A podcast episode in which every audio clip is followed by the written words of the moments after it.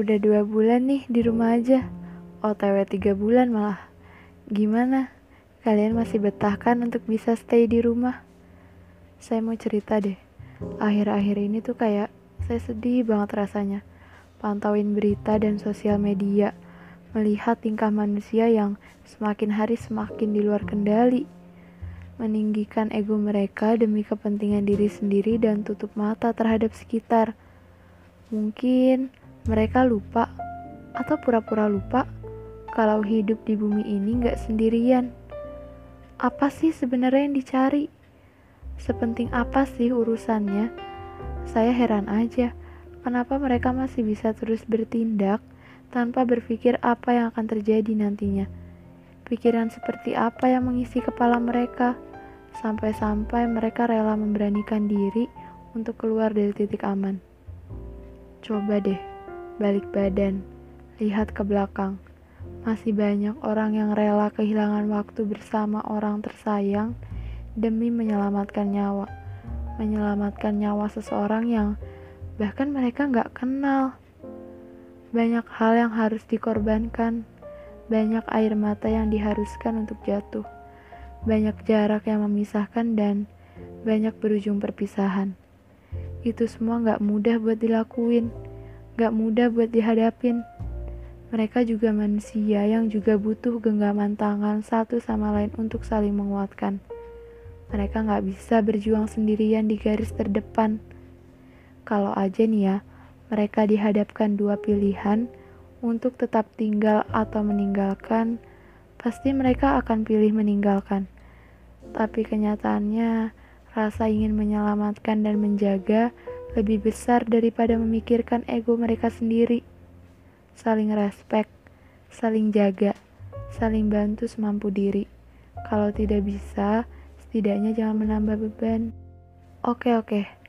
Semua manusia di bumi tahun ini terpaksa dirumahkan.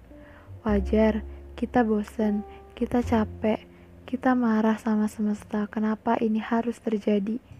Tapi, apa kita harus semudah itu untuk angkat tangan? Ini adalah sebuah kesempatan untuk penghuni bumi untuk bisa menjalankan misi penyelamatan, memeluk dan menjaga satu sama lain dari jauh tanpa melihat adanya perbedaan.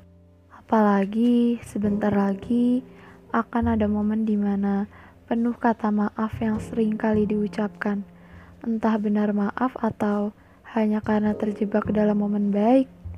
Manusia kan sering begitu. Apa yang diucapkan sering kali berbeda dengan yang dirasakan. Perayaan momen baik kali ini berbeda dari tahun sebelumnya. Lebih sunyi dan sepi dan tidak ada keramaian yang ikut serta menemani keseruan dalam momen ini. Canggung rasanya, belum terbiasa dengan perubahan yang secara tiba-tiba membuat semuanya terkesan biasa saja.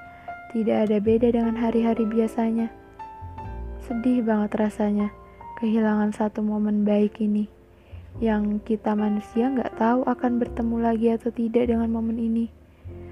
Kali ini perayaan momen baik cuma bisa dilakukan di rumah aja, merenung dan memikirkan apa yang terjadi saat ini, kesalahan apa yang udah dibuat oleh manusia, dan bentuk baik seperti apa yang harus dilakukan. Karena keadaan yang belum benar-benar pulih sampai momen baik ini juga rela untuk dikorbankan. Pelan-pelan yuk, kita coba saling mengerti, saling memahami, saling menguatkan dan percaya.